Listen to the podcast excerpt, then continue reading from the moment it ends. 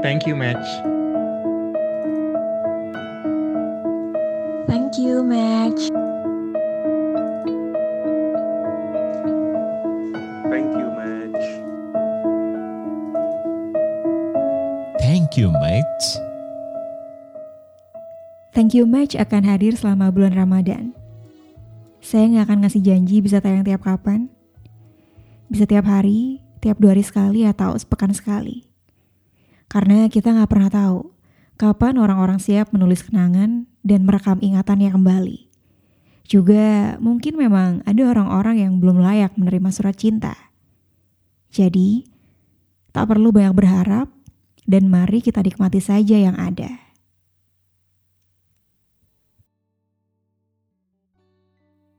Eh, kamu masih ingat gak sih sama si abang tukang keliling bunga di sandwich bakar pesanggerahan? Iya, waktu itu lagi hari Valentine. Sehari sebelum Valentine, kamu bilang mau ngajakin aku pergi makan berdua. Tapi, saat hari H tiba, kamu malah dadakan ngebatalin janji itu dong. Katanya kamu lagi sakit banget. Sakit perut, gak enak badan, ya gak tau lah apa. Aku juga gak peduli, karena saat itu aku langsung marah dan gak balas SMS kamu sama sekali. Silent treatment emang selalu jadi senjata terampuhku. Dan kamu, kamu tahu, gak ada pesan atau rayuan apa pun yang bisa bikin aku luluh kalau aku udah begitu. Singkat cerita, pokoknya tiga jam setelah itu, aku shock banget pas ngeliat mobil Honda Jazz warna abu-abu udah markir di depan rumah aku. Pas masuk ke mobil, aku langsung nanya ke kamu, Ah, katanya lu sakit. Kok malah jadi dadakan pergi begini? Dan kamu coba bales. Ya kalau gua nggak begini, ntar lu ngambek terus dan nggak tahu kapan mau ngomong lagi sama gue. Kamu ngomong gitu sambil melemparkan senyum kemenanganmu. Ya, itulah kamu. Seorang Aries sejati. Kamu mau apa ya, tanpa babi bu, pasti langsung kamu kejar hal itu. Alhasil, malam itu kita berhasil ketemu, walau dandananku bener-bener yang anak komplek banget. Pakai sandal jepit swallow, kaos seadanya. Nggak lupa dengan celana pendek anak basket yang keren di masa itu. Akhirnya, sampailah kita di sandwich bakar pesanggerahan. Tempat di mana kita ketemu sama si abang tukang bunga keliling yang akhirnya bikin kita bisa punya cerita manis ini.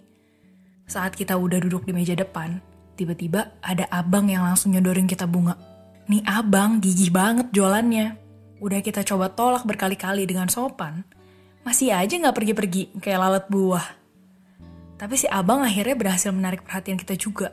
Saat dia bilang, ayo dek, beli aja satu tangkai. Masa lagi Valentine pacarnya nggak dikasih apa-apa? Ledek si abang sambil ngelirik iseng gitu ke aku. Aku langsung spontan dong ngomong, Enggak bang, saya bukan pacarnya. Kita tuh cuma temenan, jadi nggak perlu bunga. Kamu juga nggak lama ikutan ngejelasin dong ke abangnya tentang status pertemanan kita. Aduh, geblek banget gak sih kita? Pakai acara ngejelasin ke abang tukang bunga segala gitu. Nah, terus, kamu inget gak sih dia ngejawabin kamu apa? Nah, makanya dek, beli aja bunga dari saya. Nanti habis beli, dijamin 100% pasti langsung jadian sama si Enon.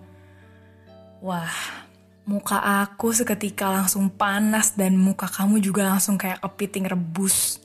Bukan karena marah ya, tapi kita sama-sama tahu kalau apa yang si abang bilang tuh bener-bener tepat sasaran banget. Setelah kita kikuk nggak jelas sambil lihat-lihatan, akhirnya kamu keluarin juga dompet dan kasih uang ke abangnya. Setelah abangnya pergi, kamu langsung kasih bunga itu ke aku dan bilang, Nih, bunga buat lu. Udah gak ngambek lagi kan? Happy Valentine's Day ya. Aku langsung ketawa karena ya itu emang cara kamu banget sih. Kamu yang bener-bener gak ngerti apa itu kata basa-basi. Sepulang dari makan malam itu, ternyata apa yang diamini si abang tukang bunga terjadi. Saat itu kamu nganterin aku pulang dan sesampainya kita di depan rumahku, kamu akhirnya minta aku untuk ambil bunga itu yang aku taruh di bawah tempat dudukku. Sekarang tangan kanan kamu memegang mawar merah itu dan tangan kiri kamu udah menggenggam erat tanganku. Kamu diam sebentar. Tarik nafas. Buang nafas. Seakan-akan kamu tuh sebentar lagi mau kasih pidato terpenting di hidup kamu. Malam itu, mata kamu yang berwarna coklat gak henti-hentinya menatap mataku. Akhirnya keheningan itu pun pecah dengan kamu yang bilang, Hmm, sorry kalau tadi pergi makan Valentine jadi kayak penculikan gitu. Sorry juga kalau tadi di tempat makan gue kasih bunganya gak romantis. Jadi sekarang gue mau ulang lagi untuk ngasih bunga ke lo, tapi kali ini dengan pertanyaan yang harus lo jawab. Dan kalian semua yang dengar ini pasti nebak lah ya pertanyaan macam apa yang dilontarkan si cowok satu ini. Malam itu setelah melihat segala gerak gerik kamu dan perkataan kamu yang gak kenal babi bu, aku langsung melepaskan genggaman tanganmu supaya tanganku bisa merangkul pinggangmu untuk pertama kalinya.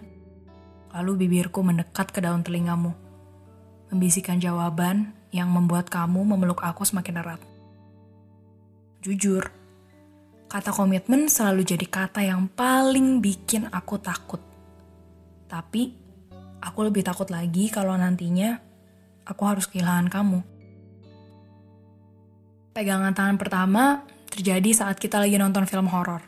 Tapi pelukan dan pertemuan bibir kita yang pertama terjadi di mobil kamu. Kejadiannya terjadi secepat kilat. Waktu itu kita lagi asik melahap es krim di dalam mobil kamu, dan bibir kamu itu adalah salah satu kelemahan aku yang bisa membuatku tergila-gila, berfantasi, dan hilang kendali.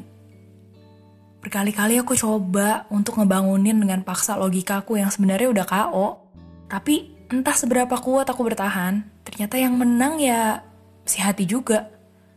Dan dalam sekejap, es krim rasa stroberi di bibir aku berubah jadi rasa coklat. Karena dalam detik-detik itu, bibir naif kita bertukar rasa untuk pertama kalinya. Cuman kita yang semanis es krim di malam itu menjadi awal dari candu kita akan petualangan gila bibir kamu dan juga bibirku yang gak bosan-bosannya untuk bertemu. Dan dari semua petualangan gila itu, ada tiga momen yang paling berkesan buatku. Pertama, saat kita kencan sambil nonton di bioskop. Ya biasanya selama satu atau dua jam itu aku gak begitu inget sih alur cerita di film itu. Yang aku inget ya cuma kita yang gak henti-hentinya berciuman. Bahkan setelah kita selesai kencan, siap-siap pulang ke rumah dan menuju ke motor kamu, kamu masih aja loh sempet-sempetnya cium aku. Sambil kamu kulum habis bibir atasku yang memang jauh lebih penuh dari bibir tipismu, dalam hati sebenarnya aku deg-degan juga. Berharap gak ada satpam yang nyamperin dan negor kita. Berikutnya, yang paling aku ingat adalah saat kamu nyetir mobil, kejebak macet lalu marah-marah kalau kita stuck kelamaan di lampu merah. Duh gak tahan gue tinggal di Jakarta. Udah macet, orang goblok nyalip sana sini. Duh pokoknya... Dan sebelum kamu melanjutkan caci maki yang berikutnya, cepat-cepat aku taruh kedua tanganku di wajahmu. Dan aku bungkam semua amarahmu dengan kelembutan bibirku. Kamu diam, seakan terbius. Aku belai rambut ikalmu yang kecoklatan. Aku biarkan tanganku membawa rasa tenang ke rahang tegasmu yang dari tadi mengeras karena kemacetan ibu kota Jakarta. Dan biasanya, semakin kamu mengeluh di perjalanan itu, semakin aku melumat habis bibirmu. Karena aku cuma mau kamu ingat cuman kita di setiap sudut kemacetan Jakarta, yang memang betul-betul keparat. Dan lebih dari itu, Aku berharap semoga apa yang kamu bilang cuma umpatan semata. Kamu gak betul-betul mau meninggalkan Jakarta kan? Tapi ya itulah kamu. Seorang Arya sejati. Kamu mau apa, ya tanpa babi bu pasti langsung kamu kejar hal itu. Saat itu kita janji untuk bertemu. Membicarakan apa yang seharusnya kita bicarakan dari sebulan lalu. Kamu datang ke rumahku dan kita berdua duduk di sofa panjang berwarna ungu yang ada di ruang tamu. Saat kita sudah berdua, nyatanya kita hanya bisa diam seribu bahasa. Menunduk. Mata kita nggak berani lagi beradu seperti dulu. Pahaku mulai basah. Tangisku semakin menjadi-jadi. Sedangkan kamu, kamu mencoba menahan. Bertahan. Berusaha untuk tetap terlihat kuat karena toh ini semua emang keputusan kamu kan? Tidak ada obrolan berarti yang terucap malam itu. Hanya diam. Suara isak tangis dan kamu yang sibuk membungkam tangisku dengan bibirmu.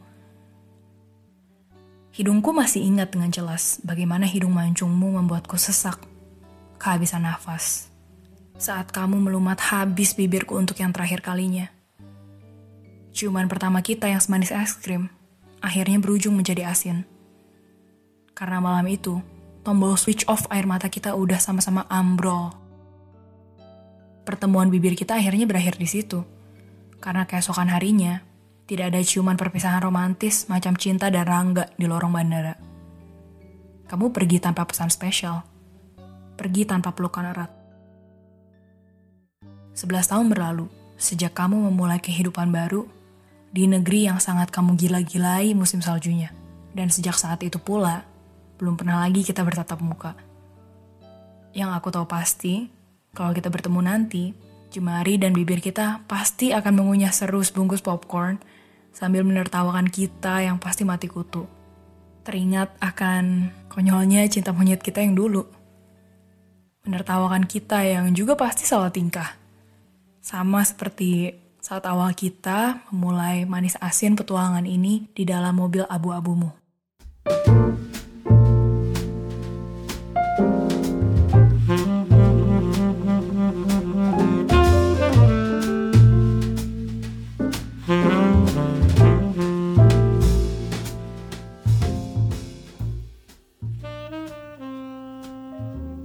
Kasih buat teman-teman yang sudah menulis dan mengirimkan surat cintanya. Semoga mereka juga ikut mendengarkan. Dan kamu yang sedang mendengarkan podcast ini, saya ajak untuk ikut menulis surat cinta. Bisa untuk orang yang kamu temui di online dating maupun bukan. Atau mungkin untuk seseorang yang sekarang sudah jadi milik orang lain.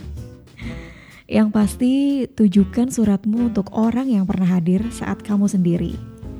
Yang sempat mengisi salah satu sudut hati ataupun seseorang yang hilang muncul seperti bayangan. Selamat menulis surat cinta dan selamat merekam kenangan.